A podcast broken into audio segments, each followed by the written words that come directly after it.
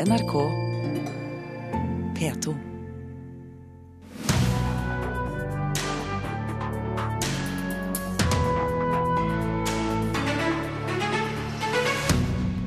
Mental Helse ber folk slutte å henge ut psykisk syke i sosiale medier. Flere videoer filmet i skjul spres på nettet. Populariteten stuper for mediestudier, krisestemning og en bransje i endring skremmer vekk studentene. Og bekymring i Stavanger for at hermetikkhistorien skal forsvinne. Utbygging fortrenger de gamle fabrikkbygningene. Og sesongens første fredagspanel sitter klare utenfor studio, men det skjer først litt senere i Kulturnytt her i Nyhetsmorgen. Mitt navn er Thomas Alvarstein Ove. På nettet florerer videoer av psykisk syke personer som har blitt filmet i skjul. Blant annet viser videoene folk som roper eller kjefter på bussen. Nylig ble et slikt klipp vist på TV 2. I etterkant har flere ment at kvinnen som ble filmet er psykisk syk. Mental Helse Norge mener syke personer regelrett henges ut. I klippene du nå får høre, har vi forvrengt stemmene av hensyn til personene som er snikfilmet. Martin! Au! Ikke rør meg. Nei! Du rørte meg. Lyden du hører her er tilfeldige videoer som er lagt ut på nettstedet YouTube og er filmet av en privatperson med telefonen. Felles for videoene du hørte, er at personene ikke veit at de blir filmet. Landsleder i Mental Helse, Dagfinn Bjørgen, mener at mange av dem som blir filmet, er psykisk syke. Jeg blir både sint og jeg blir fortvilt over at eh, noen kan være så uetisk at man faktisk eh, sender den type ting ut på YouTube og den type media. Eh, Det er i hvert fall en krenkelse av folk som har eh, store problemer, og eh, som vi skulle ha vært godt foruten. Videoene ligger lett tilgjengelige på nett, og noen av dem er også oversatt til engelsk. Noen av dem har også passert over 100 000 visninger. Bjørgen mener de som legger ut videoene, veit at de tråkker over en grense. Ja, dette er ren utryting, og det er en, en svært uetisk eh, praksis, og de vet det også sjøl, for eh, det kommer ofte kommentarer knytta til dette, og at dette er liksom eh, ikke helt kommer få, men man gjør det allikevel. Og praksisen er også ulovlig, det sier advokat og ekspert på personvern og ytringsfrihet, Jon Wessel Aas. Det må være en eller annen eh, offentlig interesse i den konteksten det legges ut for at det skal eh, være greit. Og det å legge ut denne typen bilder eh, eller videoer eh, mer i hensikten å, å latterliggjøre, og da særlig folk som kanskje ikke er mentalt eh, stabile, det vil veldig fort være en krenkelse av personvernet deres. Mental Helse har ved flere anledninger kontaktet personer eller nettsteder for å få fjernet slike videoer. I noen tilfeller blir de fjernet, mens de andre ganger dukker opp på nytt et annet sted. Dagfinn Bjørgen mener folk likevel bør si ifra. Ja, altså vi har jo eh, lyktes eh, noen ganger, men de dukker nå opp igjen. Og eh, jeg oppfordrer jo alle som er på sosiale medier til å klage dette inn til de nettselskapene, slik at vi kan få en, en stopper på denne virksomheten. Reporter her, det var Øskur Tufan.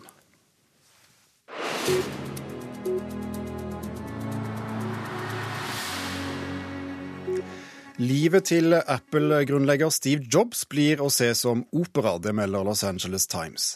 Det er operaen i Santa Fe som skal sette opp forestillingen med navnet The Revolution of Steve Jobs. Operaen skal handle om Jobs som både offentlig skikkelse og privatperson, og premieren er lagt til eh, 2017. Jobs var grunnlegger, styreleder og direktør for Apple og døde av kreft for eh, fire år siden.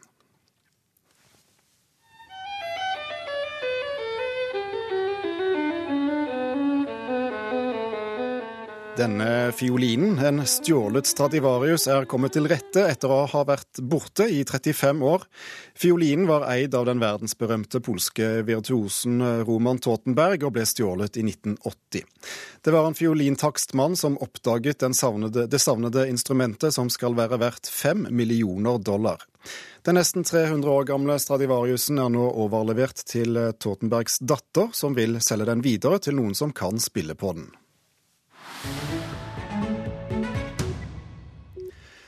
Medieutdannelser både på videregående skole og universitetene er blitt langt mindre populære de siste årene. En mediehverdag i stor endring får skylden, men Redaktørforeningen mener mediene også snakker ned sin egen bransje og skremmer vekk studentene. Journalistikkutdannelsen ved Universitetet i Nordland har særlig merket dalende interesse. Nå skal vi gå inn hit. Ja. Dette er øvingsdesken vår. Mm. Så her eh, skal du nok sitte og jobbe en god del når du skal begynne å produsere nyheter og reportasjer. og ja. Vi sitter her en del, tipper jeg. skal du nok Mm. jobbe en del her. Ja, det blir bra. Thomas Karlsrud får en omvisning av studieprogramansvarlig Birgit Røe Mathisen. Om under én uke skal han begynne her på journalistikkutdanningen ved Universitetet i Nordland. Men eh, hva som gjorde at du søkte deg til Bodø når du først valgte journalistikk? Jeg hører jo at du, du er jo ikke fra nærområdet her. Nei, jeg er fra Ålgård nær Stavanger. Nei, Det var veldig pga. at jeg hørte meg fint om Universitetet i Nordland. Og så har det alltid vært en liten drøm og godt journalistikk. Ja. Og se hvor langt man kan komme der. Ja. ja, men det er bra. Det er jo et viktig yrke. Ja, er Selv om det er krise i mediebransjen på Mm. mange måter. Det er en vanskelig økonomisk situasjon i mediebransjen, og det har studentene fått med seg. Antallet søkere ved mediefag i videregående og høyere utdanning har gått kraftig ned de siste årene. Spesielt merkes dette på journalistikkutdanningen i Bodø. Thomas Karlsrud er en av totalt 21 kvalifiserte søkere som har satt utdanningen øverst på søknaden, og det til en utdanning som vanligvis tar opp 40 studenter. Det bekymrer studieansvarlig Røe Mathisen. Samfunnet trenger jo journalister uansett. Selv om eh, det skjer store strukturendringer, så, så vil vi jo alltid ha behov for eh, dyktige journalister. Altså, jeg tror en viktig årsak kan være at mange som er i bransjen sjøl, og som kjenner bransjen, bidrar til å snakke ned mediebransjen. Eh, Rett og slett skremme bort eh, studenter fra å søke. Og det syns jeg er veldig synd. Reidun Kjelling Nybø er assisterende generalsekretær i Norsk redaktørforening. Hun mener det er feil å skremme vekk studentene. Man kan velge å, å si at det er den mest spennende tida å jobbe med journalistikk, eller man kan velge å si at hit bør man la være å søke seg, for her er det ikke mulig å få seg fast jobb. Eh, Det har litt med hvordan man, man ser ting på. Ja, Det er en balanse her. og Vi skal verken svartmale, men vi skal heller ikke fortie sannheten om hvordan situasjonen er i mediehusene for tiden. Thomas Spence i Norsk Journalistlag har rundt 15% færre fulltarbeidende medlemmer enn i 2009. Det er færre jobber, og det skal man ikke stikke under stol. Det betyr også at vi må fortelle unge mennesker hva de kommer til, slik at ikke folk søker seg inn med falske forventninger om hva man skal tjene, når man skal jobbe, og hvilke oppgaver journalister skal gjøre i fremtiden. Studiene har tradisjonelt vært veldig populære. I årene etter årtusenskiftet var det nesten like vanskelig å komme inn på journalistikk som det var å komme inn på de prestisjefylte medisinstudiene. Så på en måte kan det være noen fordeler ved at vi nå ikke får det ekstremt høye akademiske kravene til hvem som skal bli journalister. At vi får eh, unge mennesker med litt ulik bakgrunn, og som ikke nødvendigvis er på det mest skoleflinke på aller øverste hylle, men som har mer enn nok av den generelle kunnskapen og inspirasjonen til å gjøre en god jobb som journalist.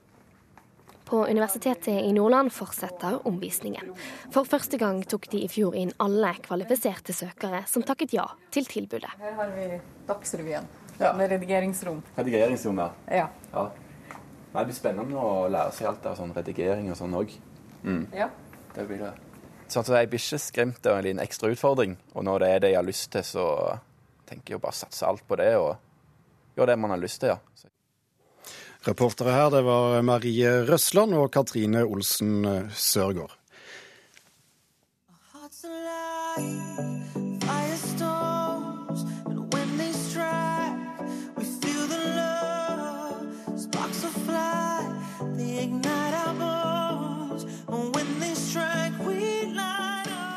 Norske Kygo ble presentert som et av Apple Musics eh, nye ansikter utad da strømmetjenesten ble lansert for en eh, måned siden. Og I løpet av den måneden har 11 millioner brukere knyttet seg til eh, strømmetjenesten Apple Music. For å ta opp kampen mot Spotify og andre aktører har teknogiganten tilbudt en tre måneders gratis prøveperiode. Arnt Maase, førsteamanuensis ved, ved eh, musikkvitenskap ved Universitetet i eh, Oslo. Er du imponert over disse tallene? Eh, for det første eh, Institutt for medier og kommunikasjon, men for det andre Beklager. er det for tidlig å si eh, om eh, hvordan det vil bli. For at det, det er fremdeles to måneder igjen av den gratis prøveperioden. Og hvis vi ser på andre strømtjenester, så har de en konverteringsrate på kanskje mellom 20 og 30% i det beste tilfellet. Så, så det blir spennende å se om et par måneder hvordan det vil slå ut. Ja, Hvor mange tror du ender opp med å betale når eh, gratistiden er forbi? Nei, det, som sagt, det blir spennende å se. Kanskje mellom 20 og 30, hvis jeg skal gjette. Jeg tror det, jeg blir overraska hvis det blir over 50% Jeg tror heller at det, det er mange som nå tester det ut, og som som vil vurdere det når den perioden er over. Det er de aller mest musikkinteresserte tror jeg mange av dem allerede har en strømtjeneste som, som de kanskje er fornøyd med. og Det blir kanskje vanskelig å få dem over, mens det fremdeles er et veldig veldig stort marked av litt mindre musikkinteresserte, men som eh, leter etter kanskje en, en enkel måte å ha musikk på. Og jeg tror det markedet er stort nok til at det blir interessant eh, Eh, for flere strømmetjenester enn de som er på markedet allerede. Ja, For de andre på markedet, ifølge Dagens Næringsliv i dag, eh, Spotify har 75 millioner brukere. Av disse betaler 20 millioner for dette. Franske Deezer har 6 millioner, og, og JC eide Tidal eh, rundt 1 million betalende, og Apple Music altså 11. Hvem, eller hva, vil avgjøre hvem som vinner denne strømmekampen? Eh, jeg tror det er plass til flere enn én aktør eller to aktører, så det er ikke nødvendig at én vinner eller to vinner. Eh, men jeg tror det er flere forhold. Én ting er pris. Eh, nå er de ganske like sånn som det er. Og så er det jo selvsagt katalog, hvor stor katalog de har. Den er også ganske lik. Eh, så da blir det sånne type ting som er det, er det, en, er det greit grensesnitt? Er det hensiktsmessig? Er det lett å finne fram? Eh, betyr det nå at det er installert allerede på telefonen? Hvordan vil f.eks. bruksmønstrene med eh, la oss si, å snakke til telefonen, det å spørre Siri, som da er Apple sin sånn virtuelle assistent, hvordan vil eh, den type tjenester som er integrert allerede, eh, spille inn? Og Det er veldig vanskelig å spå om, da. Her er det mye vi skal følge med på fremover. Takk skal du ha, Arnt Maase ved Institutt for medier og kommunikasjon ved Universitetet i Oslo. Du hører på Nyhetsmorgen i NRK. Dette er overskriftene denne morgenen idet klokken er blitt eh, kvart over åtte. Frp vil gi pengepremier til ekspresselevene som tar videregående skole på to år. Så mange som 300 vil få eh, borrelia-smitte etter flåttbitt i år, frykter Folkehelseinstituttet. I flere kommuner mangler folk fortsatt valgkort til årets kommune- og fylkestingsvalg. Stavangers stolte hermetikkhistorie kan forsvinne pga. storstilt utbygging av gamle industriområder. I storhetstiden preget 72 hermetikkfabrikker bybildet i Stavanger, men nå frykter museer i oljebyen at det kan bli stående uten noen gamle fabrikkbygg å vise til. Det er full aktivitet på Hermetikkmuseet i gamle Stavanger, som er en av de få gjenværende hermetikkfabrikkene Fabrikkpipene lå tett i tett, og for bare 40-50 år siden så var den mest kjente silhuetten av Stavanger by, det var fabrikkpipene. Nå er det, om jeg ikke tar helt feil, to eller tre igjen. Forteller Erik Bergsagel, som jobber på Hermetikkmuseet i Stavanger. Det er et sted mellom 10 og 20 gjenværende hermetikkfabrikkbygg som fortsatt er bevart i byen. I storhetstida var det registrert 72. Men nå er det sånn at det er utbygging, det er press på de tomtene vi har. De gamle fabrikkene forsvinner én etter én. Riksantikvaren har bestemt at Stavanger nå må legge en plan for hvordan hermetikkens historie skal bevares. Helge Solum Larsen i kommunalstyret for byutvikling forteller at Stavanger kommune er i gang med en ny kartlegging av gamle hermetikkfabrikker. Nei, altså Det vi trenger å få en oversikt over, det er jo eh, egentlig hvilke hermetikkhistoriske eh, minnesmerker i form av bygninger og annet som eh, finnes igjen. Sånne kartlegginger har blitt gjort før. Etter kontakt med kulturseksjonen i, i fylkeskommunen, så har vi beslutta at vi må gå igjennom alt dette på nytt. Sånn at vi er sikre på å ikke la eh, viktige minnesmerker gå tapt. Når vi er på Hermetikkmuseet, så må vi jo smake litt eh, ekte hermetikkvarer. Ja, det vi har her er jo faktisk smaken som erobrer verden, pleier jeg å si. Mm, det var mm, bra. Gode smaker på Hermetikkmuseet i Stavanger. Reporter var eh, Hanne Høyland. Og med det så er eh, Fredagspanelet samlet igjen etter sommeren. Sesongens første gjester er eh, Hanne Tømta, sjef på Nationaltheatret, Inger Merete Hobbelstad, kommentator i Dagbladet, og Mode Steinkjer, kulturredaktør i Dagsavisen. God morgen. God morgen. God morgen. Første sak. NRK skal eh, låse inn åtte ungdommer i en gammel skole og leke diktatur i en ny realityserie, Diktaturet. De ser ikke dagslys, får ikke kontakt med omverdenen, og psykolog Willy Tore Mørk advarer i Dagbladet at ingen bør utsettes for dette. NRK sier de vil få ungdom til å forstå viktigheten av et eh, demokrati. Er det en forsvarlig metode NRK har valgt? Ja eller nei? Ja. Ja. Ja. Oi. Hvorfor det? Får begynne med herremannen i panelet i dag. Du, jeg tror at uh, dette er et reality-konsept som uh, er godt gjennomtenkt. Jeg tror det er uh, noe som folk vil bli litt sjokkert over. Jeg tror at de som er med, er forhåpentligvis forberedt på hva de skal være med på. Og jeg tror faktisk at dette er et konsept som ja, konseptet sier, kan lære folk noe om hva som skjer i andre deler av verden, ikke nødvendigvis i Norge. Når det er sagt, så sier jo NRK at dette også skal være en del av eh, NRKs valgkampdekning og skal få ungdom til å gå til valgurnene.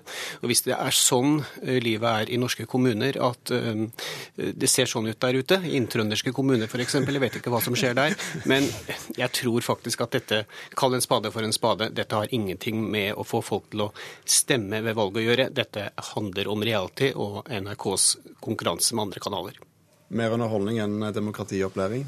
Ja, men helt sikkert en veldig mye bedre underholdning enn alle de andre reality, eller mange som finnes. Så jeg er for. Gleder meg til å se på. Eh, altså Dette er jo snakk om uh, unge mennesker som har vokst så til de grader opp med reality-TV. Altså, som er så eh, på en måte marinert i nettopp denne sjangeren. Da. Altså Nettopp dette som går på overvåkning, at alt de sier kan eh, skal ut på skjermen uh, og slike ting. Eh, når det er sagt, så er jo dette selvfølgelig hakket mer ekstremt. Altså Selv, selv tror jeg ville gått på veggen og begynt å snakke med meg selv etter, eh, etter noen få timer inn i dette her.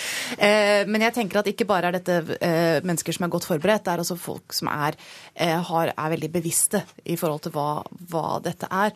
Og så er det jo interessant at det er et konsept som tematiserer altså På en måte er det et metaaspekt her. Det tematiserer seg selv. Tematiserer selve overvåkningen som er en del av både det å bo i et diktatur og være med i et reality-program, eh, på en måte. Eh, og nettopp det at man kan snakke om og diskutere hva det er som skjer, på en annen måte, syns jeg er forfriskende i en sjanger som begynner å bli litt lemster.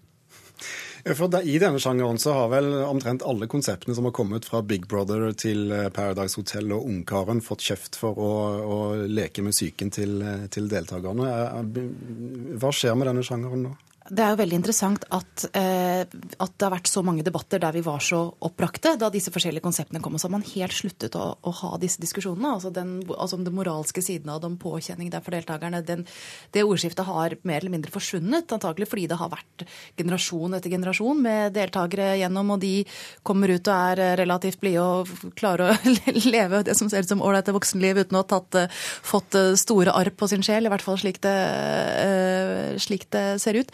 Men det er litt interessant at nå begynner det å tematiseres igjen. Nå har det vært en veldig eh, suksessrik eh, dramaserie USA denne sommeren som heter Unreal, som også handler om en sånn eh, bak kulissene eh, på en reality-innspilling, som handler mer på ikke så mye en moralsk opprakhet, men bare går inn på hva som konkret skjer, da, hvilke manipulasjoner som, eh, som tar til. Så det er interessant at man nå begynner å snakke om dette igjen, men på en litt annen måte. Men diktatur og lokalvalg, hva skal vi gjette av linken her, da? Altså, det blir litt som Mode sa innledningsvis òg. Altså, får de til å vri det dit også, så er de joggu meg gode. Altså, men, men hele bare bevisstheten rundt viktigheten av valg og hva en stemme er. altså hele konseptet demokrati får nok en, en inngang. Jeg tror nok at, eh, at eh, dette er et av de mer fornuftige reality-konseptene som har vært, nettopp fordi at jeg tror vi har mer å lære av det enn de aller fleste reality-konseptene som handler egentlig om å eksponere folk eh, ut i det ekstreme. Dette er også, også ekstremt, men, men, faktisk så går du inn på noe som skjer i deler av verden som vi ikke vet så mye om, og som jeg tror at i hvert fall den generasjonen som dette konseptet henvender seg til, faktisk da har noe å, å hente. Kanskje har neste tema også med reality å gjøre. Vi får se. Aune Sand, gallerist og kjent for filmen Dis, har gitt ut sin erotiske roman 'Jordbærmus'. VGs kritiker ga eh, boken én eh, og sa den var for dårlig til å være morsom. Dagbladet slår til med terningkast 69. Eh, Kaching. Uansett, den har solgt over 3000 eksemplarer ifølge forfatteren selv, som sier han har tjent over en million kroner på dette. Har etablerte forfattere noe å lære av Sand? Ja. Tja. Nja. La oss begynne med tja. Nei, Jeg vet ikke om det er forfatterne først og fremst som har noe å lære av. Kanskje det er markedsavdelingene i, eh, til forfatterne, arbeiderne. Nei, altså det er vel noe med at eh, evnen til å skape blest rundt uh, tynt innhold. Jeg vet ikke. Jeg tror ikke at etablerte forfattere nødvendigvis har noe å lære av dette. fordi at de, de opererer på en helt annen eh, arena. Eh, men det, det mange kunstnere, eller de som da strever med å få oppmerksomhet rundt det de gjør, har noe å lære av, er jo den gjennomslagskraften som Aune Sand greier å få i offentligheten, med absolutt ingenting av innhold. Eh, det handler jo om iscenesettelse og det å gjøre seg selv så ekstrem som mulig der ute. Gjøre seg selv annerledes, være eksentrisk, være en original. Og der tror jeg nok at at noen eh, har noe å lære i forhold til å da faktisk eh, skape oppmerksomhet rundt kanskje litt mer seriøse prosjekter enn det Aune nå har kommet med. Har vi i mediene også noe å lære, kanskje? Ja, altså alle har jo på en eller annen måte noe å lære av dette. I hvert fall noe å more seg over. Um, altså, men altså som litterær, dette er jo egentlig ikke et litterært prosjekt, selv om det er en bok. Og den litterære kvaliteten på denne, denne boken er jo fullstendig irrelevant. Jeg tenkte at den VG-anmeldelsen var litt sånn den, altså det, er jo, det, er jo, ikke Selvfølgelig står det der, og det er jo det enkleste sak i verden å skrive en eh, slakt denne boken, og kanskje det minst interessante som skrives om den. Men dette er jo på en måte et personlighetsshow, altså hvor alle bare har masse å vinne på det som skjer skjer. Altså, Aune Sand forblir en skikkelse i offentligheten, og mediene får et spectacle å bare vise frem, og alle får noe å snakke om ved, eh, med matpakka. og, og alle, alle, har grunn til å være fornøyde med dette her. Eh, og så er det jo på en måte en vedvarende sånn samtale. Er dette for å få oppmerksomhet, for å Og, og kanskje det er det, men jeg tror ikke det er så eh, på en måte kalkulert eller banalt heller. Jeg tenker at dette er en personlighet av en viss størrelse som bare eh, fyrer av alle sylindere av det han er og har. Og en sånn skikkelse i offentligheten syns jeg er eh, bare gøy. Han har invitert alle som har kjøpt boken på fest eh, på Kongsvinger i slutten av måneden. Er det en ny standard for norske bokutgivelser? Og tale på fest etterpå? Nei, jeg vet ikke. Hvis det er det som skal til for å selge bøker og invitere folk på fest etterpå, så kan det hende det er flere som kjøper bøker. Men hvem vet? Mm. Vi får skynde oss videre til eh, siste tema. Mens Aune Sand eh, selger mye bøker, så går salget av DVD og Blu-ray fortsatt, eh, fortsatt, nedover. Men salget begynner å flate ut, fortalte vi tidligere denne uken i Kulturnytt. De som selger film, håper på en slags vinyleffekt for filmen. At det skal bli slags, et slags kultprodukt. Vil DVD og Blu-ray-plater igjen bli moderne? Nei. Nei. Nei. Toget har gått. Hvorfor det? Nei, jeg, altså det, det bare har gått. Er, jeg sitter ikke med så mange sånne minidisker hjemme heller. Eller hatt mange rare ting til å avvikle forskjellige audiovisuelle saker på. Men eh, man, man, går ikke tilbake. Det som jo er, tenker jeg, en utfordring, er jo at eh, cinematekene Altså det å se film i et ordentlig rom sammen med andre, det, det er jo et et helt reelt behov for at filmen skal fremstå på sin beste måte. Men, men det å ha en hylle hjemme og skryte av se hvor mange DVD-er jeg har, det, det står for fall. Men mister vi noe eh, kulturelt også når videobutikkene forsvinner? Det er klart vi gjør det. Vi mister en bevissthet rundt filmen i det offentlige rom.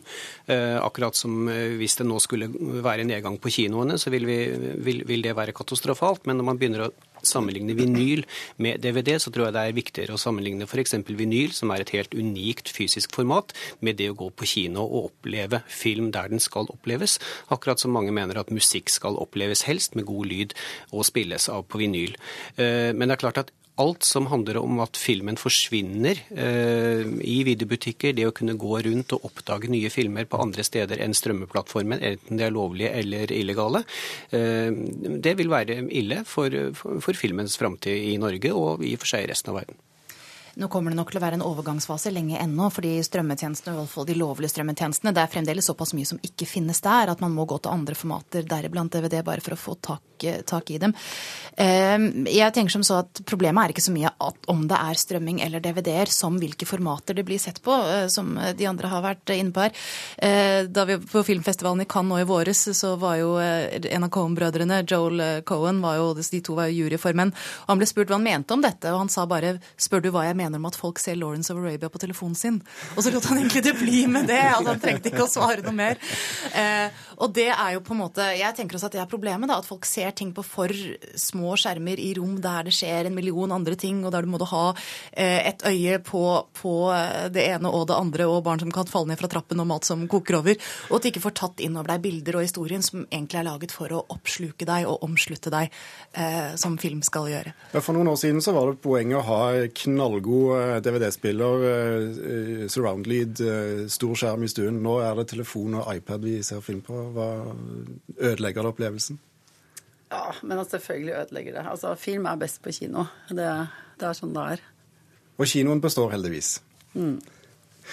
Eh, laserdisken, da?